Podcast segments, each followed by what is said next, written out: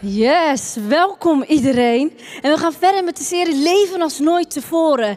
En vandaag gaan we duiken in het topic resources, oftewel middelen. Maar voordat we daar verder op ingaan, wil ik eerst met de volgende gedachte beginnen. En dat is, jij bent gezegend. Wist dat jij gezegend bent? Jij bent rijkelijk gezegend door ons fantastische God. En je mag nu aan je buurman of je buurvrouw naar achter je of uh, naast je zitten zeggen: hey, jij bent gezegend. Jij bent echt gezegend door God. Jij bent gezegend. Wij zijn allemaal rijkelijk gezegend. Onder andere met vaardigheden. God heeft jou vaardigheden gegeven. En soms denk je bij jezelf: ja, maar ik ben hier goed in. Zo ben ik nou eenmaal. Nee, God heeft jou die vaardigheid gegeven. Jij bent gezegend. En weet je wat hij nog meer, waarmee hij jou nog meer gezegend heeft? Met zijn genade. En genade is dat je iets krijgt zonder dat je het verdient. Kan je je voorstellen dat God ons genade zou geven gebaseerd op wat jij en ik verdienen? Nou, dat zou niet zo best zijn bij mij. Ik weet niet hoe het bij jou zit, maar het zou niet zo best zijn. Maar hij zegent jou met zijn genade. God heeft alles gegeven. We hebben zoveel van hem gekregen. En hij zegent jou met zijn liefde. Het waren niet wij die eerst God lief hadden, maar het was God die ons eerst lief had. Hij heeft werkelijk alles voor jou en voor mij opgegeven. Terwijl wij nog helemaal niks hebben hoeven te doen, hield hij al van jou. En ben jij ontzettend gezegend. En een laatste is, God heeft jou met zekerheid gezegend.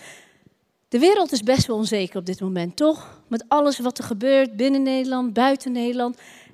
Best wel onzeker. Maar één ding waar jij en ik op kunnen vertrouwen is dat wij de zekerheid bij God zelf kunnen vinden. God is nog altijd hetzelfde, gisteren, vandaag, morgen, tot in alle eeuwigheid. Applaus voor onze fantastische God. Dat is die zekerheid die jij en ik hebben. Hij is onze anker. Dus maakt niet uit wat er gebeurt in jouw omgeving, in welke situatie je ook bevindt. Eén ding weten wij. Onze God zegent ons. Onze God is bij ons en hij blijft hetzelfde. En God, de Bijbel, is geen fake nieuws. Ik bedoel, tegenwoordig moet je echt wel goed gaan onderzoeken van wat is nou echt en wat is nou niet echt. Maar de Bijbel, Gods woord, is geen fake nieuws. Dat is de waarheid. En God doet nog steeds wonderen. Wie maakt nog steeds Gods wonderen mee? Wij allemaal. Hij doet nog steeds wonderen. En dat God nog steeds in charge is, daar mogen we echt op gaan vertrouwen. En weet je wat zo mooi is? Dat Gods DNA ook in jou is.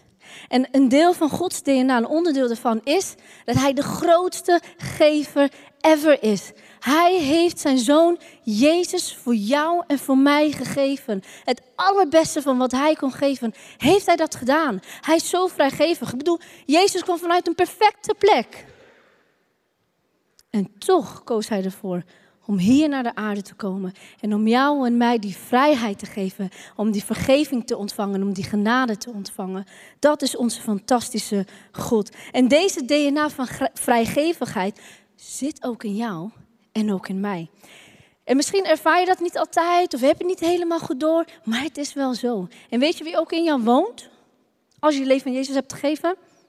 De Heilige Geest. En de Heilige Geest kan je een boost geven op de manier hoe jij vrijgevig bent.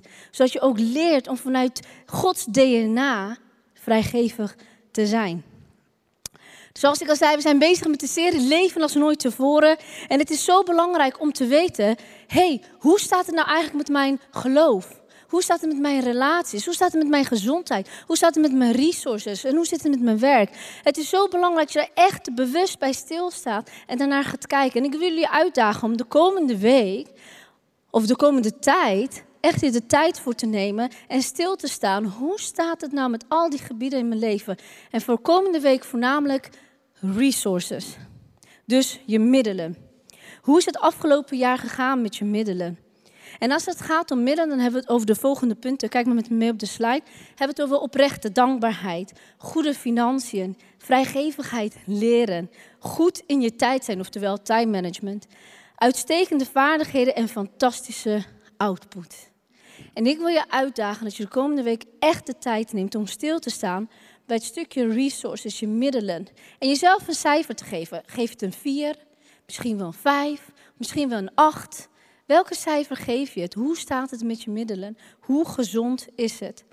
En vraag dan ook aan de Heilige Geest: hoe kan ik nou op het gebied van middelen, hoe kan ik leren om vrijgevig te zijn? Welke stappen moet ik gaan nemen? En hoe kan ik het nou inzetten om werkelijk een verschil te maken in het leven van de mensen om jou heen? Want wat doe je als God jou iets geeft? Hou je het zo bij je? Dat kan. Maar wat is dan de impact daarvan? Niet zoveel, blijft voornamelijk bij jezelf. Maar wat doe je op het moment dat jij je middelen, je financiën, je vaardigheden, je talenten zo openhoudt en het ook werkelijk inzet? Dan maak je een verschil. Dan maak je echt impact hier op deze aarde. Zijn jullie er ready voor om impact te kunnen maken met je middelen en hoe je dat kan leren? Top. De rest moet nog een beetje warm worden, maar dat komt wel goed. Vrijgevigheid. Als ik je nou zou vragen, waarom zijn mensen wel of niet vrijgevig? Wat zou je dan zeggen? Nou, een van de redenen kan zijn, nou ja, mensen die rijk zijn en heel veel geld hebben, ja, die zijn natuurlijk allemaal vrijgevig. Uh, nee, mensen die rijk zijn, zijn gewoon rijk. Betekent niet per se dat je rijk bent, dat je dan vrijgevig bent. Dus rijk zijn is niet een reden om wel of niet te geven. Wat zou een andere reden kunnen zijn? Misschien denk je wel bij jezelf, ja, maar mensen die uh, heel weinig hebben, ja, die kunnen ook niet zoveel geven. Dus die houden het allemaal bij zich. Of misschien is een antwoord wel, ja, mensen die gierig zijn, die kunnen niet geven. Wat is nou een van de grootste redenen waarom mensen wel of niet geven? Nou, in de basis zijn dit niet de hoofdredenen wanneer iemand wel of niet geeft. Maar dat is het volgende: angst. Angst is een reden om niet te geven. Want op het moment dat jij geeft, wat gebeurt er dan? Dan moet je hand open houden. Dan heb je geen controle meer over wat je geeft. Dus geef je vanuit angst. En is dat jouw leidraad? Dus je geeft vanuit angst. En je moet dan leren om te vertrouwen op God. Dat God jou gaat zegenen. En dat hetgeen wat jij weggeeft, dat hij dat ook echt zal zegenen. Nou, en wat is het tegenovergestelde? Een reden waarom mensen wel zouden geven? Dat doe je vanuit vrijgevigheid. Wanneer je zegt, God is mijn verzorger, dat is zelfs een van zijn namen, Yahweh Jere, God voorziener, de voorziener, mijn verzorger, dan vertrouw je op Hem en zeg je daarmee, ik geloof en ik vertrouw erop dat mijn God mijn alles zal voorzien en daarom vertrouw ik erop om te kunnen geven. Lees met me in Handelingen staat, denk maar eens aan de woorden van de Heere Jezus. Hij zei, dat voor jezelf houden beter is dan geven? Nee, hij zei dat geven beter is dan ontvangen. Want als je geeft, maak je werkelijk een impact. En je maakt God zichtbaar hier op aarde. Nou, hoe ziet het vertrouwen eruit? We weten allemaal dat God bestaat. We weten dat Hij ons voorziet. Hij is de voorziener. Hij zorgt voor mij. Maar hoe ziet het nou op het moment eruit dat God tegen jou zegt: Ik wil dat jij een deel van jouw geld, van je financiën geeft aan mij. Ik bedoel, God heeft jouw geld niet nodig, toch? Hij heeft je geld niet nodig. Hij kan prima zonder je geld. Maar het gaat erom dat je leert om op Hem te vertrouwen. En dat je echt die stap durft te zetten en zegt: God, U bent mijn voorziener. Ik vertrouw op U. Ik geef. En hoe ziet het vertrouwen eruit? Joshua en uh, Leon, kom even het podium op. Die gaan het ons laten zien. Applaus voor Joshua en Leon. Yes! Hoe ziet het vertrouwen eruit? Leon, je mag even daarvoor staan. Josh van deze kant. En je wilt geven, maar je ervaart een beetje angst. Je vindt het eigenlijk wel heel erg spannend om te geven. Ja, jij vindt het heel erg, ja. Maar je moet echt... Komt helemaal goed. Joshua staat nu voor God natuurlijk, hè. Dus je wilt geven, je ervaart die angst, maar je wilt echt op hem vertrouwen en je zet die stap. Vader, ik vertrouw op u en ik vertrouw dat u mij gaat vangen. En hoe ziet dat eruit?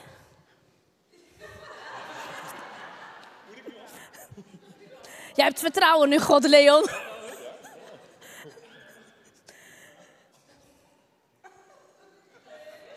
Hey! Thanks, guys.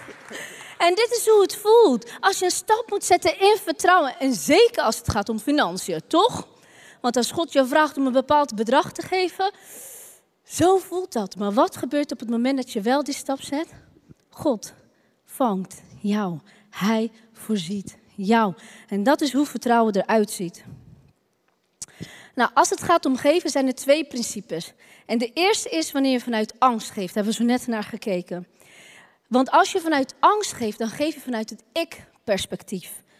En dat, het ik-perspectief zegt, ik verdien het geld, ik heb ervoor gewerkt, ik verdien het toch allemaal om al die leuke dingen voor mezelf te kopen en het allemaal voor mijn eigen rijkdom te gebruiken. Dat is het ik-perspectief. Nou, wat gebeurt er op het moment dat je vanuit dat perspectief gaat geven? Kijk met me mee. Je hebt zorgen. Wie heeft zorgen in het leven? Wij allemaal, wel eens. Je hebt kinderen die willen gaan studeren, moet je ook geld voor uitgeven. Je hebt een auto, of je moet nog je hypotheek gaan betalen, of je hebt geld nodig voor je studie. Allemaal zorgen voor de komende periode, misschien wel met al die hoge uh, energieprijzen die er aankomen. Er zijn zorgen en je wordt overweldigd door al die zorgen. Nou, en op gegeven moment komen we op het punt dat je geld moet uitgeven, toch? Want je moet geld uitgeven. En vanuit de ik-principe doe je dat omdat jij denkt dat jij dat verdient. Dus je geeft je geld uit aan alle vaste lasten. Maar daarnaast geef je ook geld uit aan een hele mooie dikke wagen die je hebt gezien. Aan uh, de laatste trends, de nieuwste iPhone. Want ik verdien het. Ik wil dat hebben. En wat er dan kan gebeuren is dat je gaat meer uitgeven dan dat er binnenkomt. En wat gebeurt er dan? Dat leidt weer tot schulden. Je hebt je hypotheek, je gaat een auto leasen, je hebt nog je studieskosten, je studieschulden, die je moet afbetalen. Je hebt natuurlijk een partner of kinderen, die moeten natuurlijk ook het een en ander kopen. En je wilt natuurlijk de allernieuwste iPhone, allernieuwste trend volgen. En voor je door hebt, geef je zoveel geld uit dat je in de schulden komt. En op het moment dat je in de schulden komt, kom je wel in de problemen. Want het leven is niet zo voorspelbaar. Want je leeft precies op het randje van net aan, niet net aan wel. Maar het leven is niet zo voorspelbaar. En op een gegeven moment gebeurt er een ongeluk of je hebt geld nodig. Wat doe je dan? Je kan niet, want je hebt geen marges meer. Je hebt geen marges meer om geld uit te geven voor dingen die onverwachts gebeuren. En wat er dan gebeurt is dat je dan weer in het cirkeltje terechtkomt. Dus vanuit ik Zorgen, uitgeven, schulden, geen marge en het rondje gaat door. Uit een onderzoek van Niembud uit 2020 blijkt dat 55% van de scholieren soms of regelmatig geld tekort komt.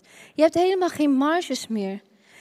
En daarnaast blijkt uit het onderzoek van het CBS dat in oktober 2021 ruim 620.000 Nederlandse huishoudens geregistreerde problematische schulden hadden. Je hebt geen marge meer wanneer je vanuit angst je geld spendeert. Wanneer je vanuit ik-perspectief geld spendeert. Dus wat gebeurt er? Weer het cirkeltje rond. Dan komen we bij de drie S-gever. Als je vanuit de ik-perspectief geeft. Dus dan geef je op een spontaan manier of sporadisch of heel spaarzaam. En dat zorgt ervoor dat je niet meer vrijgevig bent. Dat het lijkt alsof je niet meer vrijgevig kan zijn. Sterker nog, als je vanuit je marges leeft, dan geef je vanuit je allerlaatste restjes. Dus jij geeft aan onze Almachtige God je restjes, terwijl Hij het beste van het allerbeste geeft. Dus het is niet verstandig om alles maar te kopen. Je mag terug naar de volgende, vorige slide. Dus het is niet verstandig om alles maar uh, te kopen wat je nodig hebt. De vorige slide. Met de angst. Ja, met de angst. Yes, dankjewel. Het is niet verstandig om alles te kopen wat je wel wilt of wat je graag uh, denkt uh, mee te willen nemen. Want dat kan gewoon simpelweg niet. Dan heb je geen marges. En er zijn twee manieren van geven. Nou komt het. Mensen die geven van wat over is, de kruimels. Dus al je kruimeltjes, alles bij elkaar opgespaard geld, dat geef je aan God. Of mensen die eerst geven en dan leven van wat over is. Zie je het verschil? Er is een heel duidelijk verschil wat jij geeft, vanuit welk perspectief jij geeft. Of het nou vanuit angst is of vrijgevigheid. Het zijn twee verschillende mindsets. We gaan door naar de volgende mindset. Dat is vanuit vrijgevigheid.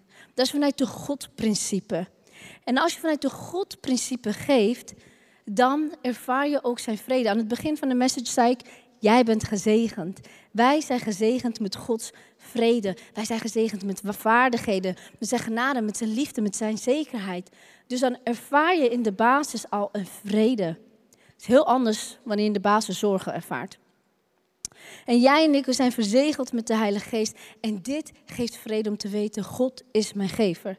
Als je dat weet, ga je dus ook geven vanuit die vrijheid. Of vanuit die vrede. En je realiseert er dat je dus gezegend bent. En het eerste wat je uitgeeft, is dan je abonnement, de huur, hypotheek? Nee, de 10% die geef je als eerste aan God. Dat betekent dus dat je een budget hebt, dat je een begroting hebt. En het eerste 10% van jouw inkomen geef je aan Hem. En wat gebeurt er op het moment dat je dat gaat doen? Ga je ook leren om op een goede manier te sparen. Waarom is het nodig om te sparen? Nou, leven is niet zo voorspelbaar. Als er wat gebeurt en je hebt geld nodig, dan kan je niet bij papa en mama aankloppen of bij je rijke oom. Je moet zelf voor zorgen dat je voldoende geld gespaard hebt om niet in de schulden te komen, zodat je voldoende marge hebt. En als je dat doet, dan leef je van wat er overblijft. Dus je geeft eerst en je leeft van wat er overblijft. Zien jullie het verschil tussen ik-perspectief en God-perspectief? Vanuit het ik-perspectief zeg je: ik ben een consument, ik heb het verdiend, dus ik ga het ook uitgeven aan alles wat ik wil. En vanuit de God-perspectief zeg je: ik ben een rentmeester van alles wat God mij gegeven heeft. Zowel mijn financiën, mijn talenten, mijn tijd. Ik ben een rentmeester en ik geef het eerste aan mijn God. Lees met me wat in Lucas staat. Er staat: Geef en u zult iets terugkrijgen. Meer dan overvloedig zult u ervoor terugkrijgen. Met de maat waarmee u meet, zo zult u ook gemeten worden. Dus je kunt niet meer geven dan God jou kan, kan geven. Dat is echt onmogelijk. God die blijft jou zegenen. God die blijft geven. Dus maak een keuze en zeg bij jezelf: ik wil niet meer vanuit de ik-perspectief gaan leven, vanuit angst, maar ik wil echt vanuit God-perspectief gaan leven. Vanuit de vrijgevigheid die in Gods DNA zit, wat ook in mijn DNA zit.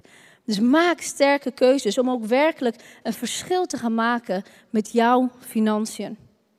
Want vanuit ik-principe zeg je, ja, maar ik geloof niet in het tiende geven. Ik geloof niet dat ik met mijn financiën, uh, mijn kerk of mijn community daarmee kan opbouwen. En vanuit God perspectief zeg je, ik kan het me niet veroorloven om niet geld aan God te geven. Om niet zijn geld te investeren in de kerk. Hij geeft zo van mij, hij heeft zoveel wonderen in mijn leven gedaan. Ik kan me gewoon niet voorstellen dat ik niet ga geven. En dat zijn twee verschillende mindsets. En als je vanuit de God-perspectief bekijkt, heb je de drie P-gever. En nu komen de praktische tools. Dus let op en schrijf mee. De 3P. Dan leer je dus hoe jij goed om kan gaan met jouw financiën. En de 3P staan voor prioriteit, voor plan en voor percentage. En we gaan luisteren naar drie verhalen van mensen van de, vanuit deze kerk die ons gaan vertellen hoe ze op een praktische manier hiermee zijn omgaan. En het eerste verhaal is van Nieke en Maaike. En zij vertellen hoe zij financiën prioriteit van hebben gemaakt. Laten we kijken. Geven heeft voor mij en mijn gezin eigenlijk een hele hoge prioriteit. Het heeft de, de hoogste prioriteit als het gaat om onze financiën. Uh, wij vinden het belangrijk uh, om ja, geld te geven, onze giften te geven. Um, ja, om zo ook God te eren, dankbaar te zijn voor wat Hij doet in ons leven. ja, dat is eigenlijk iets waarom wij ook aan Hem willen laten zien van hey, dit zijn onze financiën die we van u gekregen hebben. En ja, daarvan willen we ook gewoon weer een deel aan u teruggeven om echt ja, die dankbaarheid te laten zien. En het is natuurlijk ook een Bijbels principe. En ja, we vinden het ook als gezin belangrijk om dat soort bijbelse principes gewoon uh, ja, na te streven. Echt ja, ons eigen te maken en uh, voor te gaan. Um, en wat we eigenlijk daarin ook nog het belangrijkste vinden als het gaat om geven is ja, het eerste deel van wat we ontvangen te geven. dus niet ergens in de maand nog te kijken van hé, hey, wat hebben we nog over, wat kunnen we nog bij elkaar sprokkelen en dat aan God terug te geven. Maar eigenlijk te zeggen, hey, onze geld, onze salaris komen binnen. Dat proberen we diezelfde dag meteen te onderscheppen. En eigenlijk daarvan te zeggen, oké, het allereerste deel, dit is nu binnen, dat willen we teruggeven. En ja, we proberen daar op, dat, die dag, op dat moment ook als gezin voor te bidden van. Om echt te vragen om een zegen over die gift. Uh, van ja, zet het in op een bijzondere plek. Maak het echt waardevol. Uh, ja, dat is eigenlijk waarom wij Geef zo uh, enorm belangrijk vinden. En ook echt ja, vanuit de diepste van ons hart willen doen. En ja, dat gebed daarvoor, dat maakt ook eigenlijk echt dat je er echt bewust stil bij staat van wat je teruggeeft aan God. En daar ook om vraagt om er bijzondere dingen mee te gaan doen. Um, ja, om uiteindelijk natuurlijk gewoon de mensen uh, die Jezus nog niet kennen, uh, ja, daar kennis mee te laten maken. Uh, ja, dat is eigenlijk het mooiste doen natuurlijk. En daarnaast heeft het mij als persoon ook nog een heel stuk vrijer gemaakt. Ik zat vroeger, toen ik nog niet gaf, of in de beginfase van het geven, zat ik echt vast aan ja, mijn financiën. altijd wrijving, wist ik niet zo goed of ik er nou wel helemaal achter stond. en daar ja, wilde ik mee aan de slag. En, ja, we kwamen ook op een gegeven moment in situaties terecht waarbij ik dacht, ja, geven, dat wordt nu gewoon heel lastig. Want er zijn zoveel dingen die nu op ons afkomen en gaan we dat dan allemaal wel redden aan het einde van de maand. Maar eigenlijk door daar toch in door te zetten, in vol te houden. bijvoorbeeld voor de situatie waarin we een nieuwe woning kochten. we wisten dat er heel veel nieuwe spullen gekocht moesten worden om het huis in te richten. En ja, eigenlijk alles nog gedaan moest worden, want het was een casco-huis wat we gekocht hadden. Dus het hele huis was leeg en alles moesten we nog doen. Toen vond ja, ik het heel lastig om ja, aan dat principe vast te blijven houden. Maar we hebben het gedaan en we hebben echt God gevraagd van oké, we gaan hierin staan, we gaan het doen en we blijven hierin vasthouden uh, en zegen ons ook. En ja, doordat hij daar ons eigenlijk zo in heeft gezegend, uh, door gewoon die periode goed door te komen en eigenlijk zelfs nog een schepje bovenop te doen op onze financiën, ja, was dat voor mij echt zo'n persoonlijke bevestiging. Ja, dat ik eigenlijk het principe van geven niet meer uit mijn hart wil, wil halen. Een applaus. En dit is dus wat er gebeurt op het moment dat je vanuit de Godprincipe geeft, vanuit vrijgevigheid. En je stelt het geven echt prioriteit als gezin in je leven. Hoe bijzonder is dat? En ik vind het zo mooi om te horen dat hij zegt dat God zelfs nog iets meer ging geven. Dus ze hadden nog meer. Dus God die geeft altijd wat jij nodig hebt. En hij geeft meer dan voldoende. De tweede P. De tweede P is plannen. Plannen. Plan hoe je uitgeeft. Plan waar je aan uitgeeft. Voor mijn man en mij was het dat we op een gegeven moment echt moesten gaan zeggen: Oké, we moeten nu echt gaan plannen hoeveel we geven en wanneer we geven. Want we merkten dat we soms er niet heel erg goed in waren. Dus dat we dan zeiden: Oh, oh ja, shit, het is het einde van de maand. Oh ja, we willen ook nog gaan geven. Oh nee. En we merkten dat het niet echt de juiste instelling was waarin wij ook wilden gaan staan. Dus we hebben daar ook voor gebeden en gepland van hey, aan het einde of nee, op het moment dat wij onze loon krijgen, is het eerste wat er van afgaat, uh, is onze tiende aan de kerk. En voor ons werkt het om het automatisch in te zetten. En op een gegeven moment dat we ook echt als we met onze financiën zijn, dat we dat ook echt zien. Want als we dat niet automatisch doen, dan weet ik dat wij dan weer gaan denken: oh, oh ja, shit, we willen nog gaan geven, we moeten nog gaan geven. Dus plan hoe je het geeft. Bespreek dat met je partner, bespreek het met je ouders. En bij plannen, wat wij ook hebben gedaan, is dat we kritisch hebben gekeken naar: oké, wat zijn nou onze uitgaven? Waar geven we nou allemaal geld aan uit? Hoeveel geld geven we uit aan thuisbezorgd.nl? Hoeveel geld geven we nou uit aan Prime Video? We hebben Netflix. Hebben we Prime Video nou echt nodig? En wat zijn we gaan doen? We zijn nu uh, Netflix gaan delen, samen met mijn zusje. Spotify zijn we ook gaan delen, zodat je de kosten op die manier verdeelt. En dat je dus goed plant, waar geef ik nou eigenlijk mijn geld aan uit? En wat is de impact daarvan? Dus leer om te plannen, zodat je niet in de schulden gaat komen op het moment dat al jouw vaste lasten vanaf zijn gaan en alle leuke dingen, dus vanuit ik-principe, en dat je helemaal geen marges meer hebt en dat je dan vanuit je restjes geeft. Laatste P percentage. Hoe doe je dat? We luisteren naar het verhaal van Saron, waarin zij vertelt hoe zij de keuze maakte om vanuit het 10%, principe, uh, 10 principe te gaan geven aan de kerk. En laten we luisteren wat het verschil heeft gemaakt in haar leven. Als student kwam ik voor het eerst bij ICF in aanraking met tiende geven. Je geeft eigenlijk wel 10% terug aan God. En ik ja, vond dat eigenlijk best wel lastig. Ik wilde het wel, want ik ben ontzettend dankbaar wat God allemaal mij heeft gegeven. Dus ik wilde wat teruggeven. En ik had inkomsten. Maar tegelijkertijd had ik ook een lening. En ik zat echt in twee strijd daarover. Want in de Bijbel staat ook dat je leningen zo snel mogelijk moest afbetalen. Dus ik voelde me daar een, beetje in de spagaat zitten. Ik had het er ook wel eens een keer met een vriend over gehad, maar het was me allemaal nog niet duidelijk. Tot ik op een ochtend echt gewoon ging zitten en uh, met God aan het praten was, aan het bidden was het, en aan het schrijven was. En ik eigenlijk aan uh, God een deal voorstelde. Ik had God, ik wil graag mijn tiende geven. Dat was op dat moment zo'n 57 euro.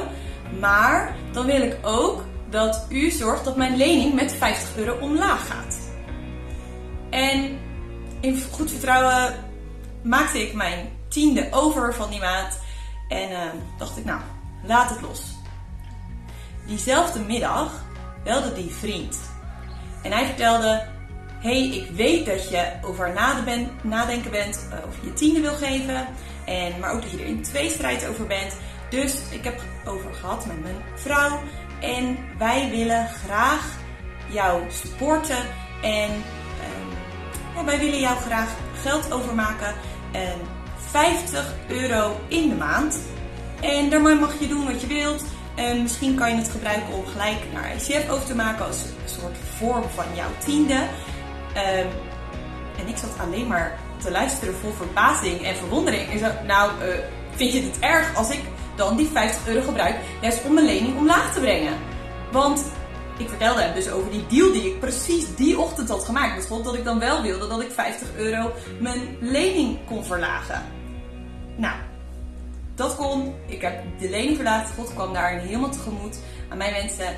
En sindsdien maak ik nu nog steeds elke maand een tiende over. Um, uit dankbaarheid voor alles wat God mij heeft gegeven. Aan alles wat ik al heb. Um, en durf ik het ook veel meer los te laten. En weet ik, oké, maar God gaat sowieso voor me zorgen. Ik kan 10.000 dingen wel plannen of sparen. En ik kan bedenken dat het natuurlijk heel veel meer geld oplevert. Maar ik weet gewoon dat God zijn geld gaat gebruiken. Het zegent. En altijd zorgt dat ik voldoende heb. En uh, rekening houdt met wat ik nodig heb. Ja, nice. Applaus. En zo zie je dus weer, als je vertrouwt op God, voorziet Hij jou. En soms dus gebruikt hij daar andere mensen voor om in jouw noden te voorzien. Hoe bijzonder is dat? Dus de vraag aan jou is, vertrouw jij op God? Dat wanneer jij geeft, dat hij jou in al je noden zal voorzien. En je kunt dus met twee motivaties geven. Je kunt geven vanuit een dankbaar hart of vanuit een gebroken hart. En wat bedoel ik daarmee?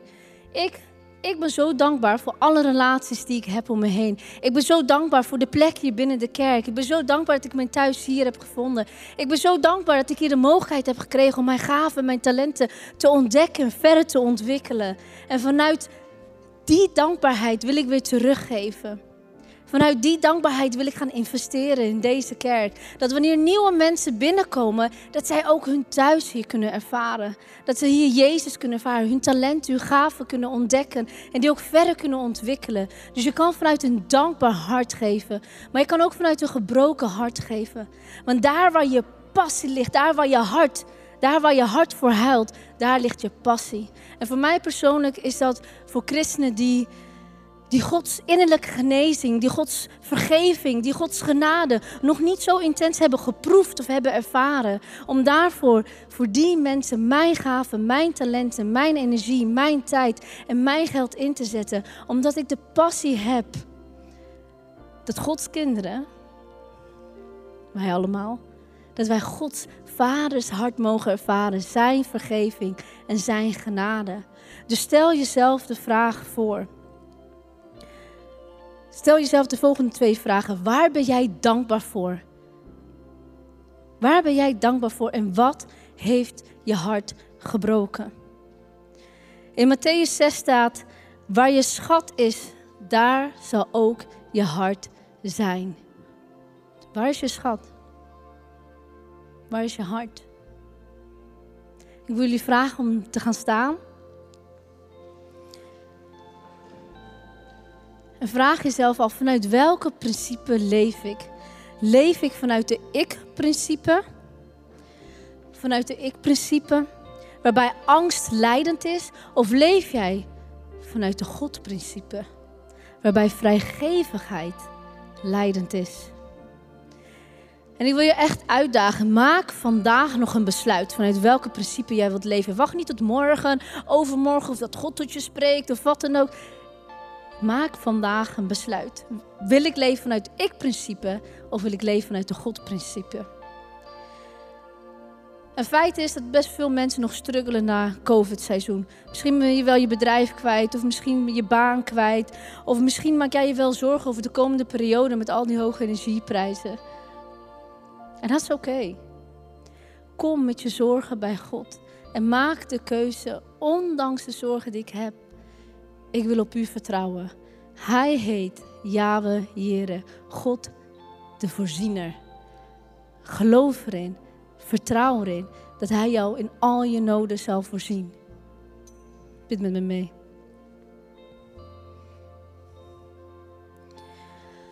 Vader, dank u wel dat u mijn voorziener bent. Dank u wel dat u me altijd voorziet. Zelfs in de momenten dat ik het zo benauwd heb, dat ik gewoon niet meer weet welke kant ik op moet gaan. U bent daar en u roept mij. En u zegt, kom bij mij mijn kind. Ik zorg voor jou. En vandaag willen wij de keuze gaan maken om uit te stappen uit de ik-principe. Dat we vanuit angst gaan leven, maar dat we echt vanuit en in gaan stappen in de God-principe. En dat we vanuit vrijgevigheid zullen geven. In onze talenten, in onze gaven, in onze tijd, in onze energie, maar ook in onze financiën.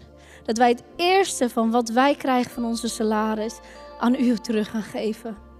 En erin vertrouwen, geloven dat u het zult zegenen. En op dit moment wil ik je vragen om de Heilige Geest te vragen. Heilige Geest, leef ik vanuit de ik-principe? Of leef ik vanuit de God-principe? Wees eerlijk. Laat hem tot je spreken.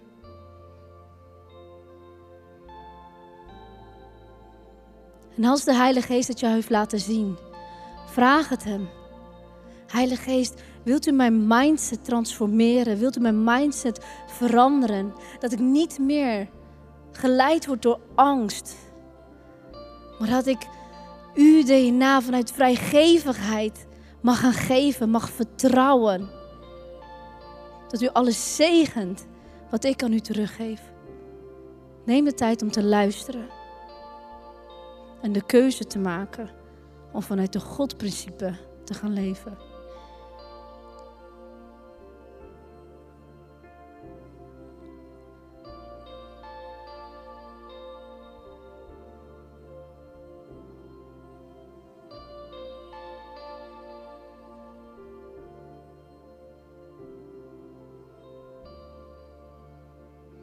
Dank u wel, Heilige Geest, dat u tot ons gesproken hebt. En zo bidden we ook dat we werkelijk die stappen mogen gaan zetten. Moedig, in vertrouwen. En dat we mogen weten dat we er niet alleen voor staan.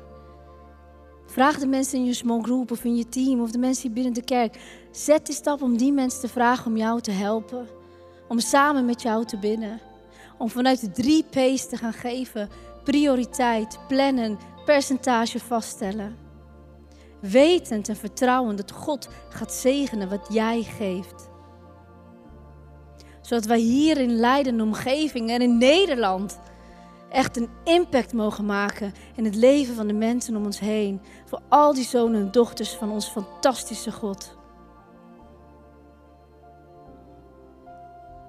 Dank u wel, Vader. In Jezus' naam. Amen.